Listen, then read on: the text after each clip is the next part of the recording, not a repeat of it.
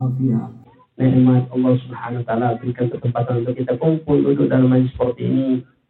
Mudah-mudahan perkumpulan ini perkumpulan yang penuh dengan rahmatnya Allah, penuh dengan ampunan Allah Subhanahu wa taala. Dan mudah-mudahan kita yang duduk dalam majlis ini pada saat hari ini, detik ini, siang hari ini tidak keluar dari majlis yang seperti ini kecuali Allah Subhanahu wa taala sedang mengampuni dosa-dosa kita, dosa orang tua kita, dosa guru kita, meluaskan rezeki kita, mengampuni hajat-hajat kita, mengajarkan umur kita dalam ta'awal abiyah selama Semoga Allah matikan kita dalam keadaan husnul khatimah dan telah dikumpulkan bersama baginda Rasulullah sallallahu alaihi wasallam dalam surga Allah Subhanahu wa taala. Amin ya rabbal alamin. Begitu juga salat dan salam tidak henti-hentinya kita hasilkan hadiahkan kepada yang kita Nabi Muhammad sallallahu alaihi wasallam beserta para keluarganya, para sahabatnya, para tabi'in, tabi tabi'in, wa man tabi'ahum bi ihsan ila yaumil Bapak-bapak, ibu-ibu hadirin wal hadirat yang dimuliakan oleh Allah Subhanahu wa taala. Habib pikir tadi uh, acaranya itu acara mancing. Nanti hari ini. Karena jadwal hari ini siang ini kosong memang di dalam jadwal majlis itu memang kosong hari ini. Biasanya ngisi di uh, Margo Bakti. Ini ya kan karena beliau di sana kebetulan ada acara juga akhirnya ditunda nanti. Ini ya kan. Jadi kosong hari ini. Pikir Habib ke kolam pemancingan nanti kita istirahat di sana. Ini ya kan. Ternyata sambil sini ada panggung, ada bapak-bapak, ada ibu-ibu hadirin wal hadirat yang dimuliakan oleh Allah. Masya Allah. Alhamdulillah, Alhamdulillah kita sudah di penghujung akhir bulan Syaban. Sekarang tanggal 28. Besok tanggal 29, hari Senin. Hari Selasa itu malam malam Selasa jika jika memang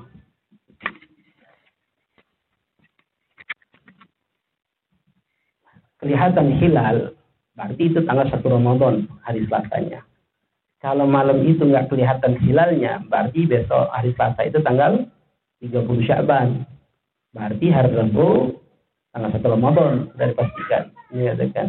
Jadi kita nunggu pemerintah saja. Apa kata pemerintah, kita ikutin. Kalau besok hari Selasa puasa, tanggal 1 Ramadan, kita puasa 1 Ramadan. Kalau seandainya pemerintah menentukan hari Rabu, ya kita ikut hari Rabu. Nggak usah ikut yang lain-lain sudah nggak usah ikut yang lain kita ikut pemerintah saja karena uh, perbedaan memang ada perbedaan itu memang ada. Jadi ulama ada berbeda pendapat. Menentukan tanggal satu Ramadan itu ada dua pendapat. Yang pertama dengan ru'yah. Dengan melihat hilal langsung penglihatan. Artinya malam Selasa itu melihat. Malam tanggal 29 itu tanggal tanggal 29 malam tanggal 30 itu melihat hilal. Kalau kelihatan hilal tentukan satu Ramadan. Kalau nggak kelihatan hilal, nanti tidak ditentukan satu Ramadan. Dilihatnya di mana? Bukan di sini. Sini nggak kelihatan. Di tempat-tempat yang memang ditentukan oleh pemerintah, yang daerahnya tinggi, yang bisa melihat hilal. Makanya se-Indonesia ini akan melihat nantinya daerah-daerah ditempatkan oleh pemerintah. Ya? Nah pendapat yang kedua, menentukan satu Ramadan itu dengan apa? Hisab, perhitungan. Jadi dihitung kalau seandainya sudah masuk satu Ramadan, ditentukan. Jadi kalau dengan hisab hitungan, jangan ke Ramadan tahun ini, Ramadan tahun 2000, 3000 nanti pun sudah bisa ketahuan tanggal berapa, lihatkan hari apa, lihatkan karena dengan si hitungan. Mayoritas di dalam madhab kita, madhab syafi'i, itu dengan ruqyah, dengan melihat hilal. Makanya ditentukan nanti tanggal malam Selasa. Pemerintah tentukan nanti. Lihat apakah itu masuk tanggal 1 Ramadan atau tidak. Yang penting bagi kita mempersiapkan diri kita untuk masuk Ramadan. Harus bergembira, harus senang dengan hati. Karena Rasulullah SAW mengatakan dalam satu riwayat hadisnya, kata Rasulullah apa? Man uh, fariha bidukhir Ramadan haramah jasadu ala jiran. Orang yang berbahagia, kata Rasulullah, berbahagia dengan masuk Ramadan, senang hatinya dengan masuk bulan Ramadan, Allah haramkan jasadnya dari api nerakanya Allah. Masya Allah. Senang saja, senang saja, Allah haramkan jasadnya. Pertanyaannya senang tidak kita lah? Senang dengan puasa Ramadan? Senang dengan terawih 20 rakaat?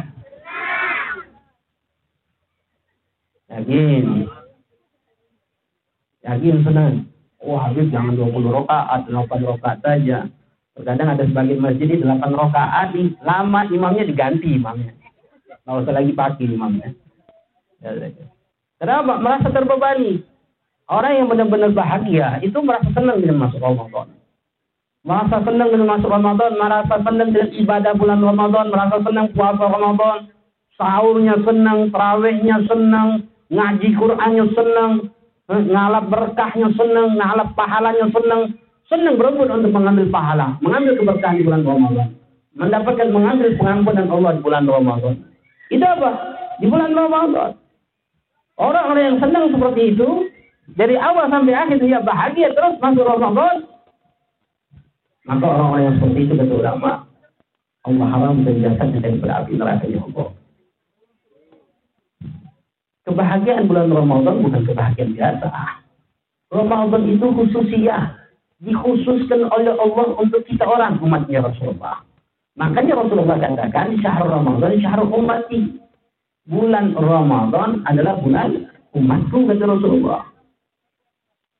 Bulan umatku kata Rasulullah. Jadi memang khusus untuk kita orang.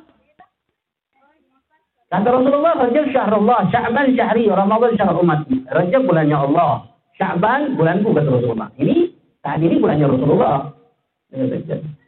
Kalau Ramadan bulan umatku. Makanya Rajab syahr istighfar, minta ampun kepada Allah karena bulannya Allah. Sya'ban bulan Nabi. Memperbanyak salah, salawat. Kalau bulan Ramadan kita diperintahkan untuk memperbanyak baca Al-Quran. Karena syahrul Quran. Bulan juga bulan dikenal dengan bulan Al-Quran. Kenapa dikenal, dikenal dengan bulan Al-Quran? Karena bulan Ramadan adalah bulan yang Allah turunkan Al-Quran. Jadi semuanya di bulan Ramadan, Al-Quran itu disempurnakan di bulan Ramadan. Habis kan Al-Quran itu diturunkan 23 tahun. Kan diturunkan bulan Ramadan. 23 tahun itu diturunkan oleh Allah dikatakan di langit dunia dikatakan itu 30 juz. Dari langit dunia diturunkan kepada Nabi Muhammad SAW itu selama 23 tahun, 32 23 tahun. Dikatakan 10 tahun di apa 13 tahun kota Mekah, 10 tahun kota Madinah. Makanya diturunkan dari apa itu? Di bulan Ramadan. Makanya bulan Al-Quran. Makanya ketika masuk Ramadan, senang harus baca Al-Quran, baca.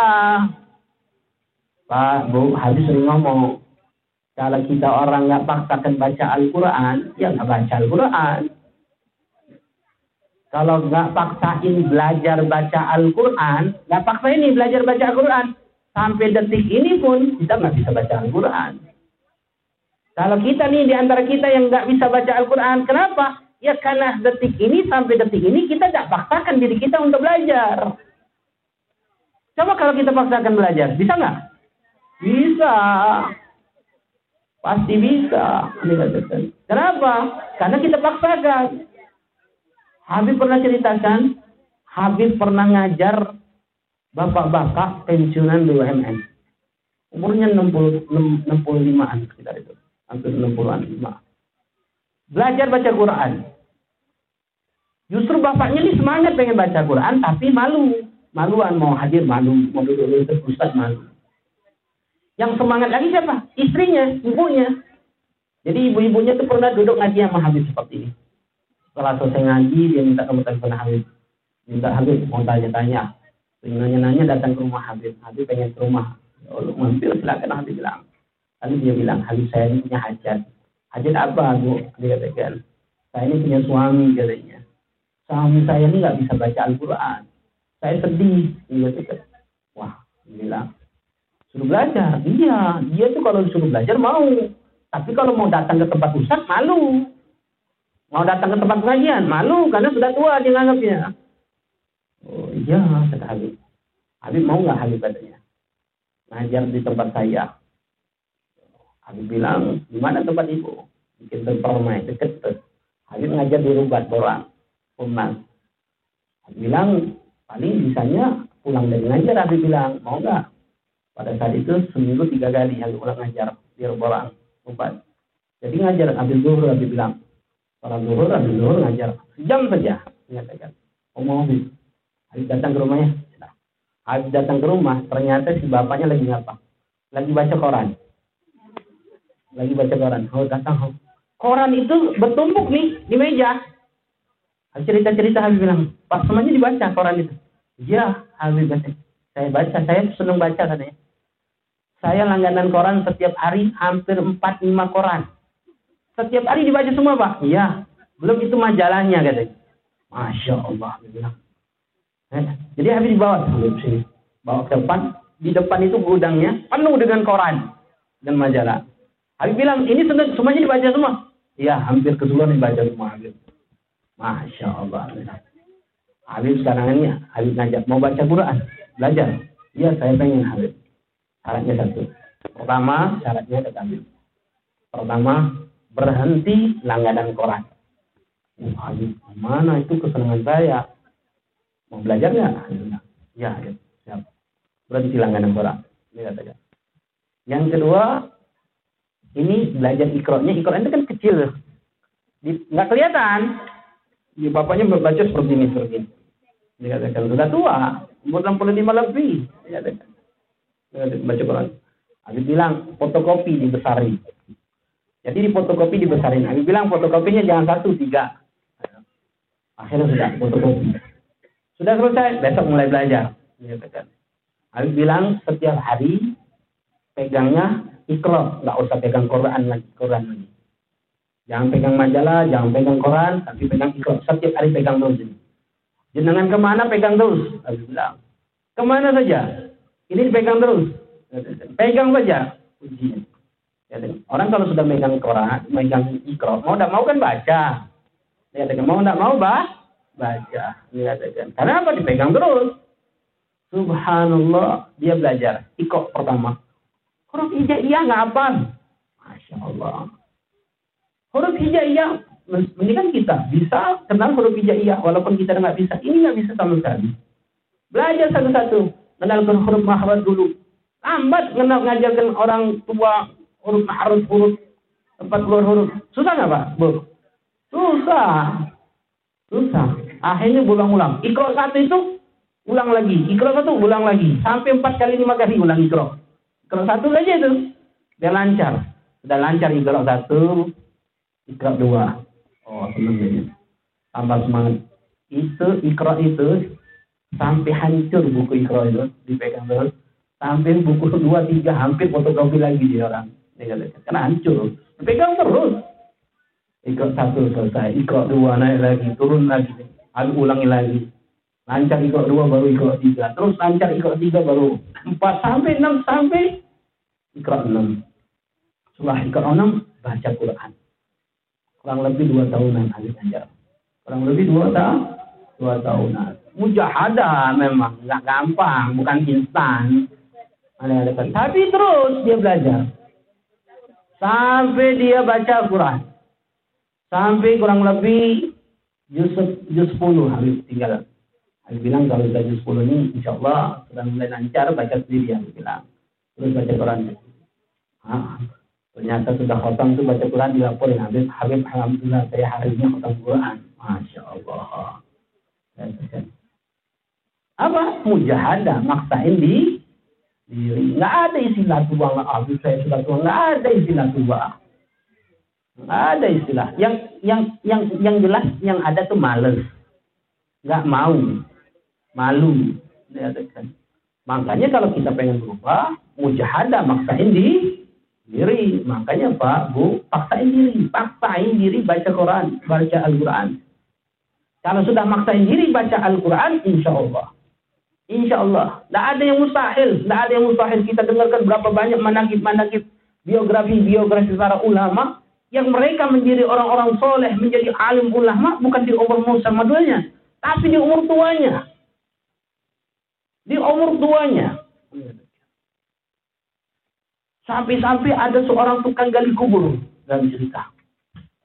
Tukang gali kubur, setiap hari tukang gali kubur. Sampai umurnya 60 tahun. Suatu saat ketika dia gali kubur. gali kubur. Ternyata di dalam alam kubur tersebut dia jatuh pingsan. Lagi gali kubur. Kecapean pingsan Tertidurnya. Di dalam tidur itu seakan-akan dia apa? Berada di dalam alam kubur. Dia mati. Ya, kan? Dia diadab oleh Allah Subhanahu wa taala. Dia disiksa oleh Allah Subhanahu wa taala. Ini dia di masih kuburan di lubang kuburan nih. Dia disiksa oleh Allah terus-terus. Sampai suatu saat dia bilang Ya Allah, lepaskan aku ya Allah. Ya Allah, lepaskan aku ya Allah. Nah, kata Allah. Kau lalai kepadaku. Kau tidak mengenal syariatku. Sampai dia bernyanyi, Ya Allah, mulai detik ini kalau kau memberikan ampunan kepadaku, Ya Allah, aku akan berusaha untuk mengenal syariat engkau, Ya Allah. Sampai Allah terus enggak, kata Allah. Terus Allah azab terusnya. Sampai suatu saat, terletik itu, dia kaget. Terbangun dari, dari pingsan dia capek. Bangun dia ternyata masih di lubang kuburan. Seakan-akan dia berada di dalam neraka itu berapa tahun namanya. Kaget dia, bangun. Mulai detik itu dia pulang ke rumah dia mulai memahami syariat Rasulullah SAW umur 60 tahun sampai dalam umur 80 80 tahun dia menjadi ulama besar di masanya. Hanya 20 tahun. Masya Allah. Apa mujahadah? Habib ada lagi satu cerita. Ini kejadian. Habib ada mu'alaf. Ada mu'alaf. Baru masuk Islam. Habib kasih nama Ahmad. Masya Allah. Anak. Orang Cina. Allah, Masya Allah itu baca Al-Quran, bisa baca Al-Quran dari nggak bisa baca Al-Quran sampai lancar baca Al-Quran, hanya tiga bulan. Hanya tiga bu, tiga bulan. Mujahadah tapi. Oh, maksudnya terus dia baca. Artinya, Masya Allah, Habib pikir-pikir, apa yang membedakan mereka dan kita orang? Apa yang membedakan mereka dan kita orang? Yang membedakan apa? Mujahadah, pemaksaan diri terhadap diri kita. Itu saja yang membedakan. Mereka memaksakan diri sampai seperti itu. kita nggak memaksakan diri. Sampai kapan? Ya sampai kapan pun kita. Ketika kita tidak memaksakan diri kita untuk beribadah, ya sampai kapan pun kita tidak akan beribadah. Gak maksakan diri untuk sholat duha. Gak sholat duha kita hari ini. Gak maksakan diri kita sholat gobliyah ba'diyah. Gak akan maksakan diri kita. Gak akan sholat kita. Nggak maksain sendiri salat zuhur, salat asar, maghrib, bisa subuh. Nggak maksain diri. Nggak sholat kita. Subuh lewat. Kenapa? Nggak maksain diri. Makanya kuncinya adalah paksakan diri. Setelah itu biarkan perasaan sama Allah. Minta sama Allah. Ya Allah, berikan kau, berikan aku hidayah ya Allah. Berikan aku pertolongan, ya Allah. Berikan aku taufik, ya Allah. Untuk senantiasa dekat kepada engkau, ya Allah. Minta sama Allah. Mobil khusus bulan Ramadan ini. Jangan males-males. Karena kita pasti mati. Tak lama kita orang. Pak, Bu, mati nggak? Mati. Lihat dekat. Habis, habis tanya nih. Kira-kira, kira-kira, kira-kira nih Pak. Orang yang masuk surga, itu yang banyak pahalanya atau banyak dosanya? Pahalanya. Yang banyak dosa, yang neraka ada yang banyak dosa neraka yang banyak pahala surga kira-kira kira-kira kita yang duduk dalam majlis ini banyak dosa atau banyak pahala Hah? jujur jujur jujur banyak dosa atau banyak pahala dosa banyak dosa kan banyak dosa kan kalau mati nak masuk Kalau hitung-hitungannya tidak pas. Pas lah kira-kira? Tidak pas. Yang masuk surga banyak palo. Yang masuk neraka banyak do. Nah, kita ditanya banyak dosa atau palo. Dosa. Pengennya masuk surga. Kan tidak pas. Harusnya masuk neraka. Harusnya. Tapi kita pengennya masuk surga. Pengennya masuk surga. Tapi kita nak mujahadah. Kita ni bakti, kita ni demi nunggu mati be. Kita ni nunggu nunggu mati, dah lama, lama dah. Tidak, kita ingatkan kawan sebelah, nah laju jual. Kawan kita nak laju. Berapa banyak pak kawan-kawan kita sudah laju? Banyak dah? Hanya tinggal nyusul kita ni. Dan kita fikir kita dah nyusul. Dah lama lagi kita ni. Apa sisi nyampe, Ramadan apa sisi kita nyampe, tak nyampe. Dia katakan, Lalu bagaimana persiapan kita di hadapan Allah? Di alam barzah itu bagaimana? Di alam barzah itu bagaimana? Satu ulama, satu hari di dunia ini, seribu tahun di alam barzah keadaannya. Sangat panjang waktunya. Artinya kata ulama, sehari di dunia, seribu tahun di alam barzah. Bagaimana ketika uang itu mati di alam barzah tersebut? Nyantai malaikat nyusahin. Nyusahin. Sagi dosa-dosa, sagi, kita ni dosanya banyak sudah. Diselesaikan oleh malaikat. Sagi baru. Belum kaget dia, di akhirat. Dikatakan. Makanya Sayyidina Uthman bin Affan radhiyallahu anhu, beliau ketika melihat kuburan nangis sampai membasahi jenggot beliau. Sampai basah jenggot Sayyidina Uthman. Sedangkan Sayyidina Uthman itu punya jenggot panjang, basah. Sehingga sahabat mengatakan kepada Sayyidina Utsman, Amir Mukminin, ya Amir Mukminin, apa kau macam ini? Dikatakan, apa yang menyebabkan kau nangis? Di mana saksi? Dikatakan, apa kau nangis seperti ini? Kau diceritakan surga neraka kau biasa biasa, tapi kau lihat kehubungan ini nangis. Sayyidina Utsman mengatakan apa? Bahkan itu maka Rasulullah SAW. Aku teringat dengan apa yang disampaikan oleh Rasulullah kepada kita Rasulullah. Apa kata Rasulullah SAW? Inna qabra awal manazil akhirah. Kuburan itu adalah awal pertama kali kehidupan seorang di akhirat. Wa man yanju minhu wa ma ba'dahu wa. Orang yang selamat di alam kubur ini maka berikutnya akan lebih mudah dia menghadapi alam akhirat. Yang tidak selamat di alam barzah ini, di alam kubur ini, wa ma maka dia akan mengalami yang lebih dahsyat lagi kelak nanti di alam akhirat. Masya Allah. Luar biasa. Luar biasa. Sampai Sayyidina Utsman mengatakan apa? Kalau Rasulullah Sallallahu Alaihi Wasallam inal gabra awal mana di akhirat. Man rendah bilang gabra abba lima kata Rasulullah. Kata Rasulullah apa? Tidak ada suatu pemandangan yang lebih menyeramkan kecuali kuburan ada sesuatu yang paling menyenangkan kata Rasulullah. Dulu kata Rasulullah, sekarang tidak lagi mau maksiat di kuburan kadang ada di Palembang pak di Palembang di Sepuluh di Pak Gasulu Naga Swida tahu Naga Swida tahu Naga Swida nah Naga Swida itu eh lubung kecil itu jadi kubung pasar tempat kubur-kuburan itu nisan-nisan itu jadi kubung pasar makanya namanya yang pasar pocong pasar bo, pocong. Jadi kong pasar. Masya Allah, kalau dulu kita takut di kuburan, jadi kong pasar. Masya Allah. Na'udzubillah, Na'udzubillah, maka Bu, hadirin hadirat dimuliakan oleh Allah. Allah berikan kesempatan. Mudah-mudahan sampai kita di bulan Ramadan. Bulan yang penuh berkah, bulan yang penuh dengan ampunan, bulan penuh dengan rahmatnya Allah Subhanahu wa taala. Sampai-sampai Rasulullah ngomong apa? Kata Rasulullah sallallahu alaihi wasallam, Lau ta'lamu ummati ma fi Ramadan la tamannau anna sanna kullaha Ramadan.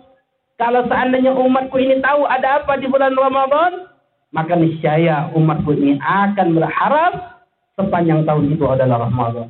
Kalau tahu ada di bulan Ramadan kata Rasulullah. Maka umatku ini ingin berharap sepanjang tahun ini ya Allah Ramadan ya Allah. Ya, betul. Pengennya seperti itu. Kenapa? Karena kemuliaan di bulan Ramadan amal ibadah ini berlipat ganda pahalanya. Kalau sekarang kita sholat sunnah, dapat pahala sunnah. Tapi kalau Ramadan melakukan amal sunnah, dapat pahala wajib. Melakukan amal wajib, Allah lipatkan gandakan pahalanya 700 lipatan ganda. Kita udah dari sini, manyun. Tidak ada berapa pun.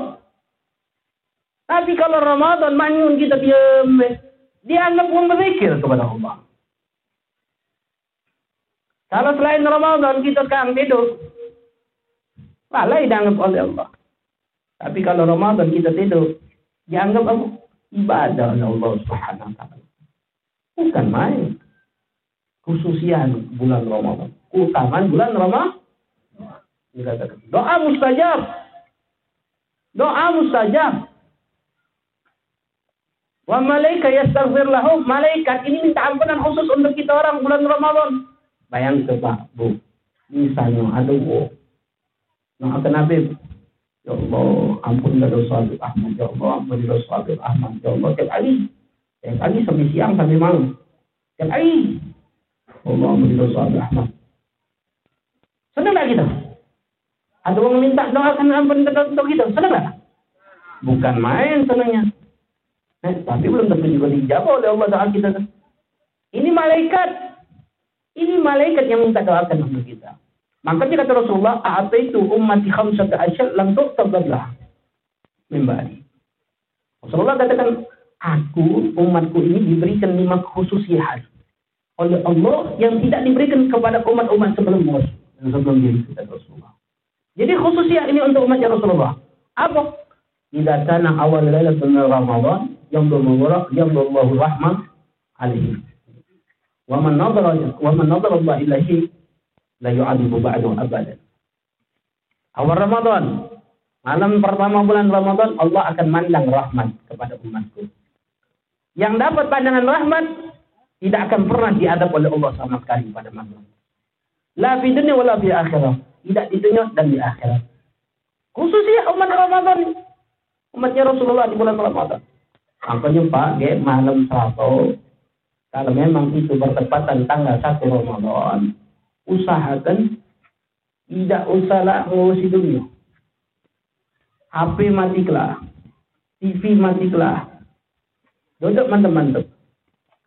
Duduk mantap-mantap. Banyak-banyak berdoa minta sama Allah. Ya Allah, pandanglah diriku dengan rahmatmu ya Allah. Berikan aku rahmatmu ya Allah. Kenapa? Orang yang dapat pandangan itu tidak akan dapat azab sama sekali. La fi dunia wa la fil Khusus untuk umatnya Nabi Muhammad yang kedua, katakan Inna Allah ya'muru malaika yastighfar lahum. Allah perintahkan para malaikat untuk istighfar. Allah perintahkan para malaikat untuk memintakan ampunan untuk umat Nabi Muhammad. Yang ketiga, rahit fam sa'im atibu inna Allah min rahimisi. Bau mulut wong puasa, bau mulut wong yang puasa itu lebih wangi di sisi Allah daripada minyak orang bisik. Tapi di sisi Allah, bukan di sisi manusia. Anggil ah ah ah ah, depan ngomong, dengan bau, dekat. Di sisi Allah, dekat. Dan yang keempat apa kata Rasulullah? Allah perintahkan surga untuk bersiap-siap. Lalu Allah katakan, Tuba li ibadil mu'minin hum awliya'i. Sungguh beruntung hamba-hambaku orang-orang yang beriman. Mereka adalah para wali-waliku untuk masuk surga. Kalau sudah akhir Ramadan, Allah akan ampuni seluruh dosa umatnya Rasulullah SAW. Seluruh dapat ampunan Allah Subhanahu Wa Taala. Masya Allah. Nikmat. Nikmat apa? Nikmat bulan Ramadan. Nikmat bulan Ramadan. Bahkan Pak Abu diceritakan dalam kitab Durrat Nasyidi. Ada seorang majusi penyembah api ketika masuk Ramadan, dia nengok anaknya. Lagi makan. Di siang hari Ramadan di pasar. Pas nengok anaknya makan siang hari di pasar, maka majusi itu apa? Melihat anaknya marah langsung dipukulnya anaknya. Dia katakan apa? Kenapa kau tidak menghormati bulan Ramadan? Bulan suci umat Islam. Dipukul anaknya. Karena majusi itu memerintahkan anaknya untuk menghormati bulan Ramadan karena bulan Ramadan adalah bulan suci umat Islam. Padahal majusi ini penyembah api. Subhanallah.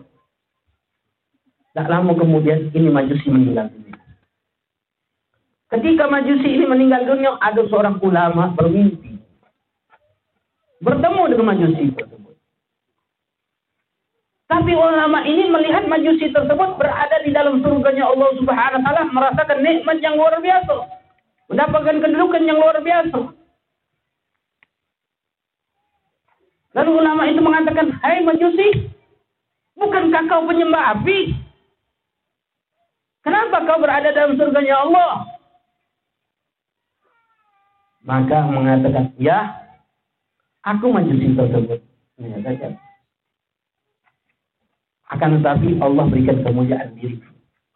Sebelum aku dalam keadaan mati, sebelum aku syakaratul maut, ada panggilan oleh Allah Subhanahu wa taala mengatakan, "Ya malaikati, ikramhu bil Islam li hurmati Ramadan." Wahai malaikatku, muliakanlah dia dengan keislaman karena dia kemuliakan akan bulan Ramadan. Pada saat itu sebelum aku meninggal, aku mengucapkan dua kalimat syahadat lalu Allah mematikan aku. Kata ulama, ini orang yang hidup dalam keadaan manusia tidak Allah, tapi karena kemuliaan dia diberikan kemuliaan oleh Allah, karena dia memuliakan Ramadan dia diberikan kemuliaan oleh Allah. Bagaimana bagi umat Nabi yang berpuasa di bulan Ramadan, yang memuliakan bulan Ramadan? Makanya ketika masuk Ramadan ini, berusaha semaksimal mungkin mana kita jago diri kita dari perkara-perkara yang akhirnya tidak mendapatkan ampunan rahmat Allah. Kenapa? Tidak seluruh umat Nabi itu akan dapatkan ampunan. Karena ada juga wong yang tidak dapat ampunan Allah. Makanya Rasulullah SAW katakan, Wail, celaka kata Rasulullah. Wailun liman dakhala Ramadan wa tamr Ramadan wa lam yufarlah. Celaka kata Rasulullah, masuk Ramadan selesai Ramadan tapi dia tidak dapat ampunan Allah. Jelas kau kata Rasulullah. Siapa mereka orang? Mereka orang yang tidak dapat ganjaran pahala ketika ibadah. Makanya Nabi katakan kami sa'imin laisa la'u siyami ila jual atas. Berapa banyak orang yang puasa tapi dia tidak dapatkan pahala dari ganjaran pahala puasa itu. Kecuali cuma lapar dan haus be.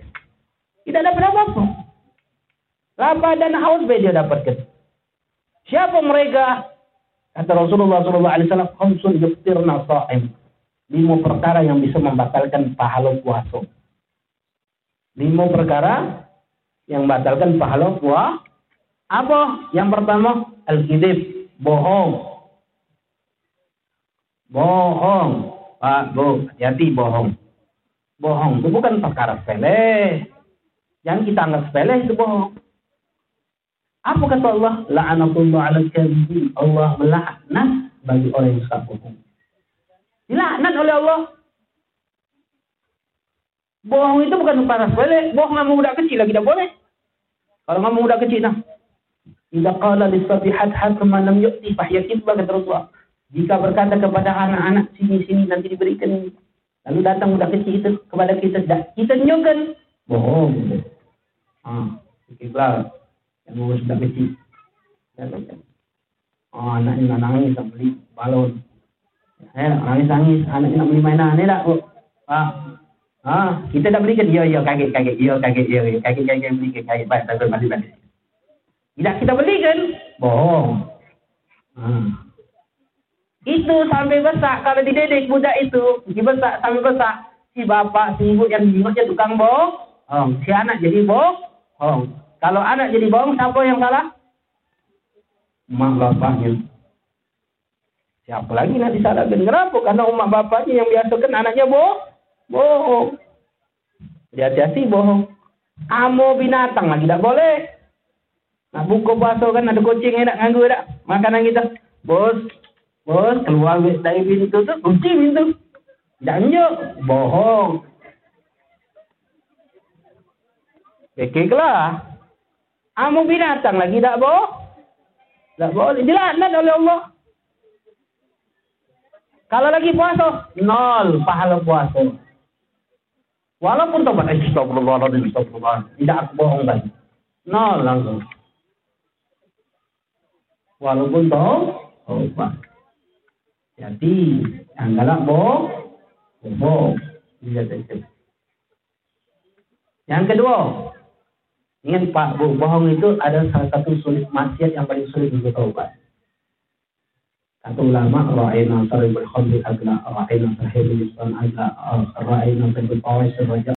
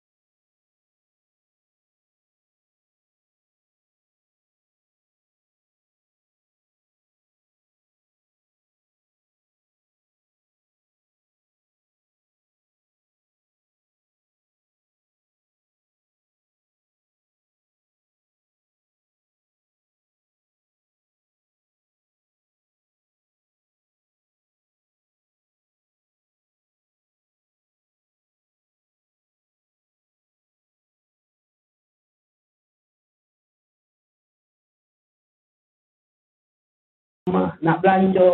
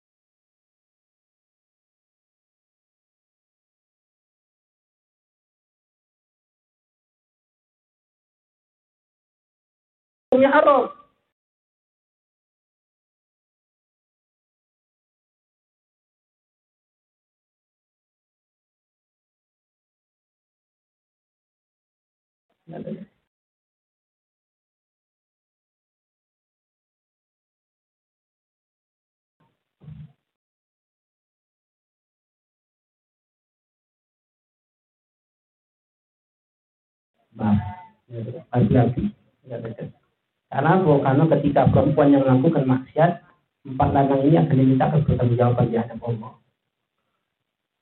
Dan jika mereka membiarkan perempuan, anak gadis yang pacaran dengan laki-laki yang lain yang bukan mahram dibiarkannya oleh bapaknya, maka bapaknya Allah haram ke surga untuknya.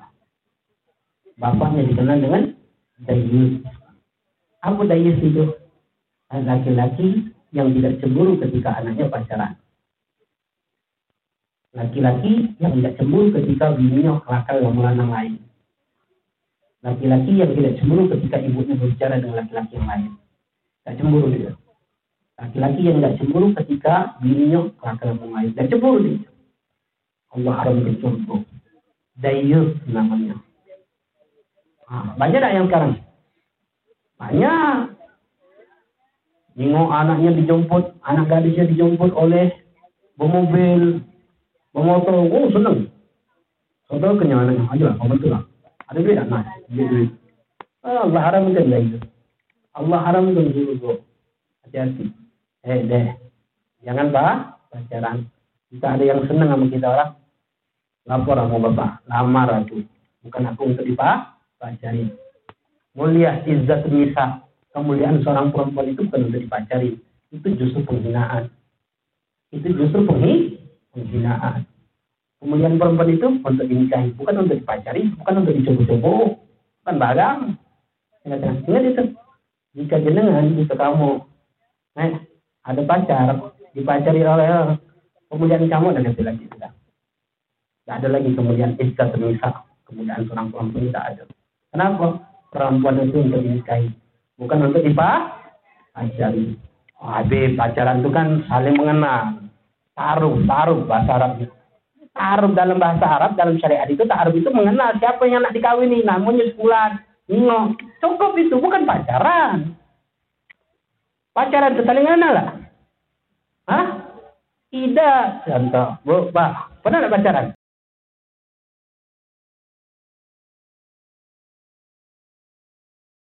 Pacaran itu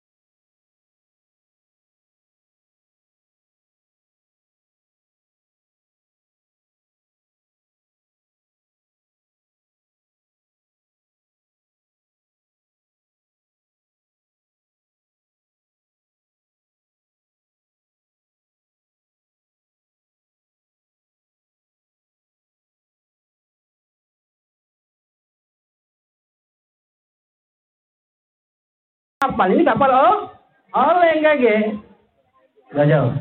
Nyatakan. Baca ngaji, baca sholat, sholat lima waktu tidak tinggal, baca ngaji, Bismillah. Nyatakan. Boleh kamu kayak gitu. Nyatakan.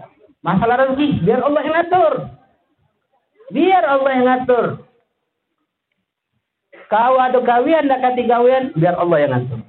Tapi yang jelas, kau sholat. Tidak tinggal, kau mampu untuk mengaji. Kenapa? Kau bakal jadi kapten. Ya, kalau sudah kapten oleh, ya, kelebu, apal, tidak sholat, baca Quran tidak baca, gawe milo-milo. Nah, nikah kan putri gitu. Hah? Kelebu. Nah, iya. Ini sedikit karam. Wow. Jadi hati-hati. Bro. Lalu yang kelima, termasuk perkara yang membatalkan pahala puasa. Yang terakhir, Yamil kadibah sumpah palsu. Kalau sumpah palsu, bohong, termasuk perkara yang membatalkan pahala puasa. Lalu juga Rasulullah katakan apa yang termasuk perkara yang membatalkan puasa. Man lam yada qawlul amun bi falinsalillahi hajatun an yada' ta'amu syarabu. Orang yang tidak meninggalkan makanan, orang yang tidak meninggalkan perkataan jelek, dan perbuatan maksiat kepada Allah, maka tidak ada hajat bagi Allah walaupun dia meninggalkan makan dan minumnya. Artinya, walaupun dia tidak tidak makan, tidak minum, walaupun dia puasa, tapi dia berkata jelek, bermaksiat kepada Allah, nol pahala puasa. Habis ada puasa, tapi tidak berjudi, nol pahala puasanya. Habib ada orang puasa tapi tidak sholat, nol pahala puasanya. Ah, Ya, Jadi jago. Makanya puasa itu menjaga diri kita dari segala perkara yang membatalkan puasa eh, dan membatalkan pahala puasa. Pahala puasa. Yang paling penting itu seperti itu. Menyatakan jangan sampai amal ibadah kita sia-sia. Sia-sia. Ini setengah yang satu. Terus. Sampai berapa? Yang satu ya. Jangan tahu selesai gitu. Setengah jam lagi ya. Kalau setengah jam lagi belum selesai, Anda jelaskan tentang perkara yang membatalkan puasa. Ya. Nah, sekarang tadi perkara yang membatalkan pahala puasa. Sekarang perkara yang membatalkan puasa. Ada delapan. Ingat, ada delapan. Yang pertama, Ridah, murtad, keluar agama Islam. Orang bisa batal puasanya kalau murtad. Murtad itu dengan ucapan, dengan etikat hati, dengan perbuatan. Contoh perbuatan ucapan apa contohnya? Mengkafirkan umat muslim, kafir ini kau, Yahudi kau, Nasrani kau,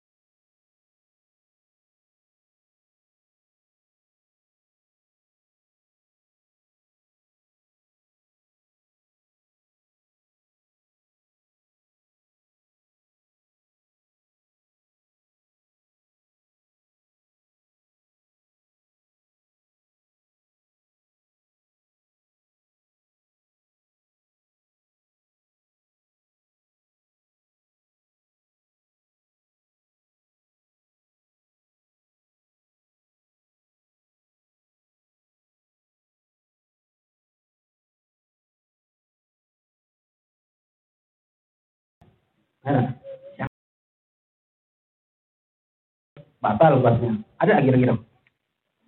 Ngilo-ngilo ada ada. Yang keempat, Igma wal syukur, pingsan dan ayan atau apa? Pingsan ataupun mabuk itu membatalkan puasa.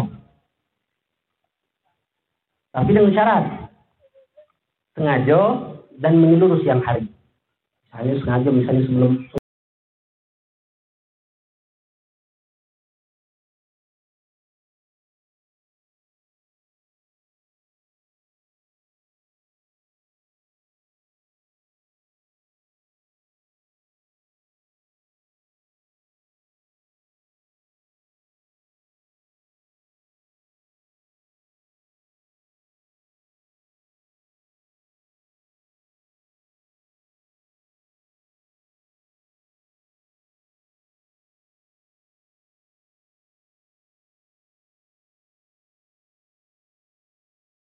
imsak itu uang yang batal puasa dengan sengaja tidak boleh makan minum.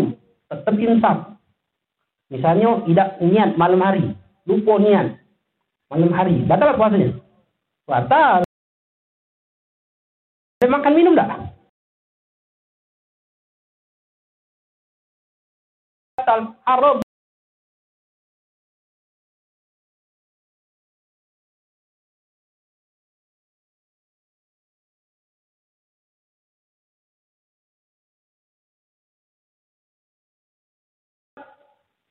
Wujub kodok, koron, wajib cepat-cepat kodok. Tanggal berapa? Tanggal 2 syawal. Habis lebaran, besoknya kodok. Kalau dia tidak kodok, berdosa. Tanggal 3. Tidak kodok lagi, berdosa. Tanggal 4, tanggal 5, terus seperti itu. Lalu yang kelima, yang terakhir. Wajib membayar kafar yang besar. Apa kafar besar? Memerdekakan hamba sahya. Di zaman kita sekarang ini tidak ada. Turun kedua. Syam syahri mutatabitin. Puasa dua bulan berturut-turut. Dua bulan berturut-turut kurang satu hari lagi batal puasanya kalau sebab apa pun sakit dan berbagai macamnya ulang lagi dari awal lagi Angka berapa? Hah? Tidak mampu, di titik sudah tidak mampu lagi puasa, baru memberikan makanan 60 orang miskin, setiap orang miskin satu muat. Satu, satu muat. Ingat itu. Dan itu hanya dilakukan oleh kepada bapak-bapak, ibu-ibu tidak berlaku itu hukum. Lihat, Hanya bapak-bapak, Pak, dua bulan itu puasa itu. Makanya hati-hati, hati-hati. Jadi kalau makanya para ulama itu tidak mau menikahkan anak mereka itu bulan puasa, bahaya. Mereka itu biasanya nikahkan di bulan syah, syawal. Jauh-jauh, tidak di bulan buah, puasa. Kemudian, yang kelima, perkara yang membatalkan puasa. Itu jima. Yang keenam, masuknya benda ke lubang terbuka. Lubang terbuka itu ada berapa? Ada lima. Bagi perempuan tambah dua, jadi tujuh. Apa lubang terbuka itu? Masuknya benda. Yang pertama mulut. Ketenggorokan. Jadi kalau masuk ke tenggorokan baru batal. Kalau tidak masuk ke tenggorokan, batal lah? Tidak. Jadi kalau nyicipi masakan ketika puasa, nyicipi, nyicipi. Hah? Boleh tak? Boleh. Tapi dilepehkan. Jangan ditelan lagi. Kalau bapak-bapaknya, boleh nyicipi? Hah? Apa lagi nelen? Nyicipi boleh lagi tak, boh? Makro. Kecuali masak.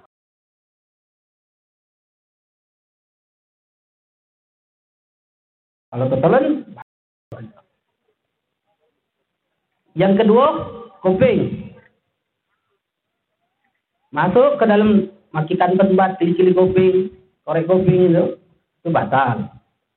Yang ketiga, hidung. Sampai ke dalam. Bukan yang di luar. Yang di luar dah bagus. Mobil batal lah. Ya. Tapi kalau masuk sampai ke dalam, batal.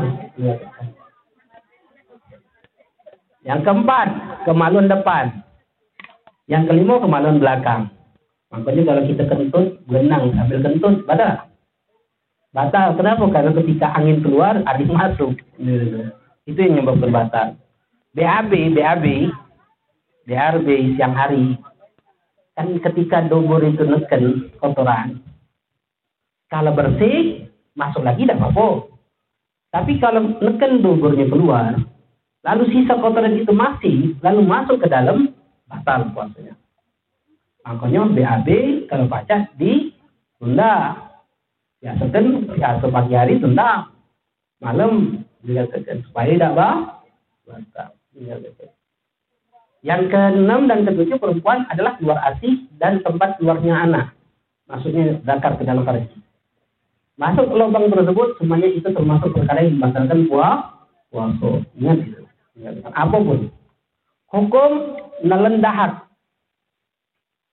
Nelen dahak. Dahak itu kalau sudah dimaksud huruf ha, di sini ha.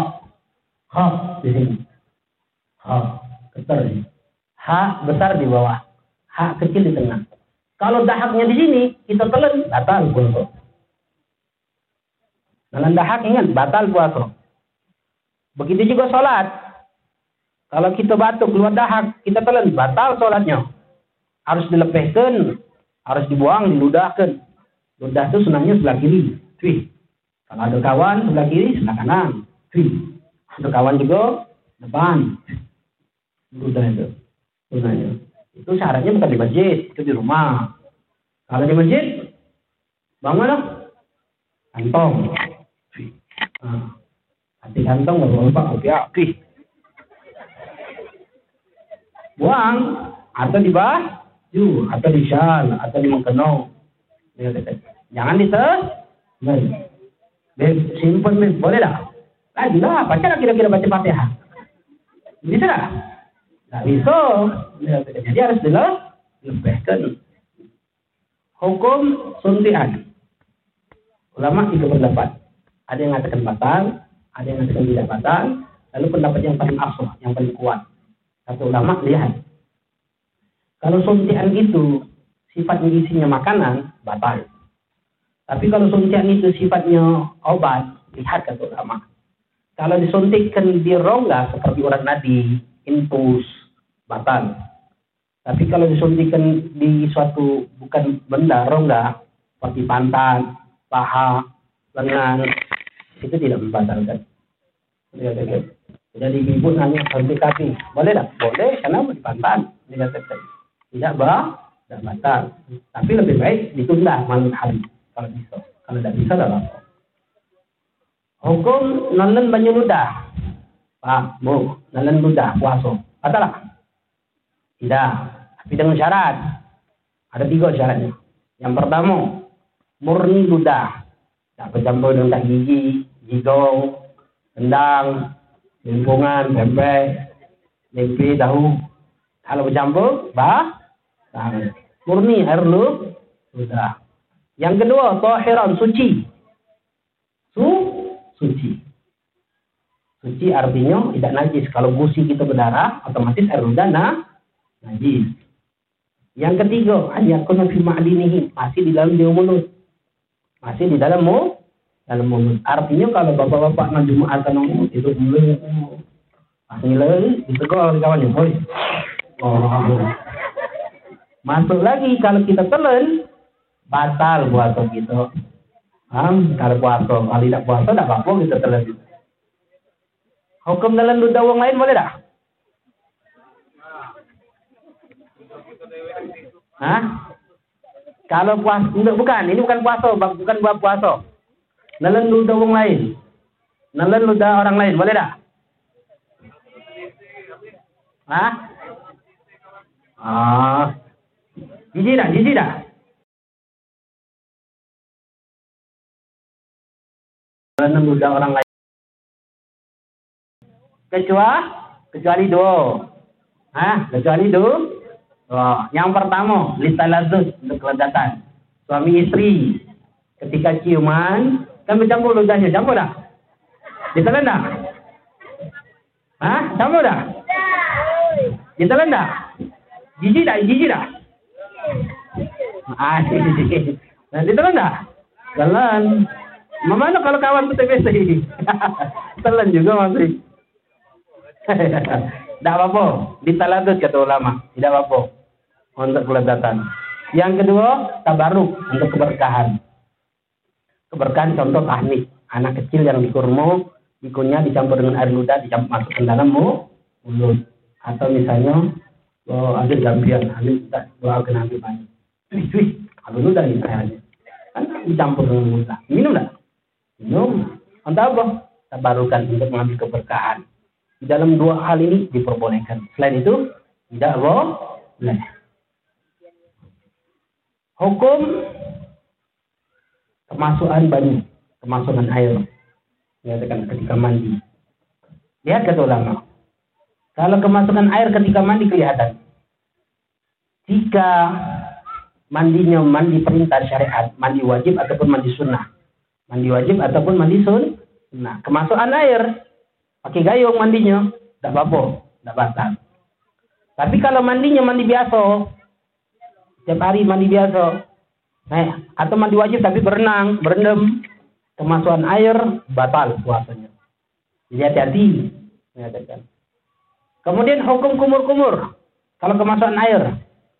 Jika itu perintah, jika itu perintah syariat, kita perintah syariat, contoh, perintah syariat itu misalnya kumur-kumur wudhu. Wudhu kan sunahkan tiga kali kan? Itu wudhu tiga kali, kemasukan banyak batal tak? Tidak batal. Tapi kalau bukan perintah syariat, contohnya apa? Kumur-kumur, tapi bukan kumur untuk wudhu, atau untuk wudhu, tapi bukan tiga kali. Eh, banyak, 10 kali misalnya. Mengatakan. Oke, banyak es puluh umur-umur ini. Batal puasa kalau tetap, tetap. Mengatakan. Jadi hati-hati, hati-hati. Kemudian yang ketujuh, perkara yang membatalkan puasa. Hati-hati. Perkara yang membatalkan puasa yang ketujuh adalah istimna. Sengaja mengeluarkan mani. Onani ataupun masturbasi. Sengaja mengeluarkan mani, batal. Tapi kalau tidak sengaja tidak batal. Kalau mau tidur junub keluar mani tidak batal dinyatakan tinggal mandi baik. Lalu yang terakhir perkara yang batal hukum ciuman ciuman ketika puasa. Ciuman suami istri ketika puasa kalau menimbulkan syahwat haram.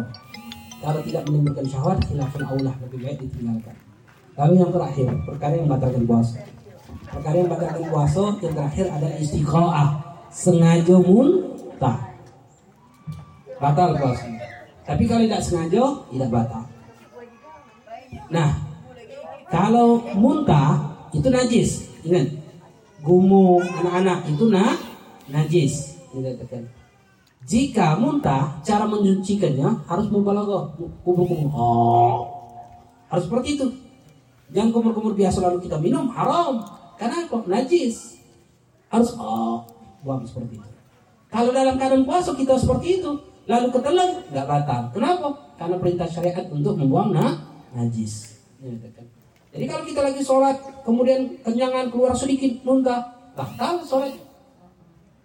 Keluar, kumu-kumu be, oh, lanjut lagi sholat. Wudhunya batal lah? Wudhunya tidak batal. Nah, itu delapan perkara yang membatalkan puasa. Ada yang ditanyakan enggak sebelum kita tutup? Kalau ada tanya.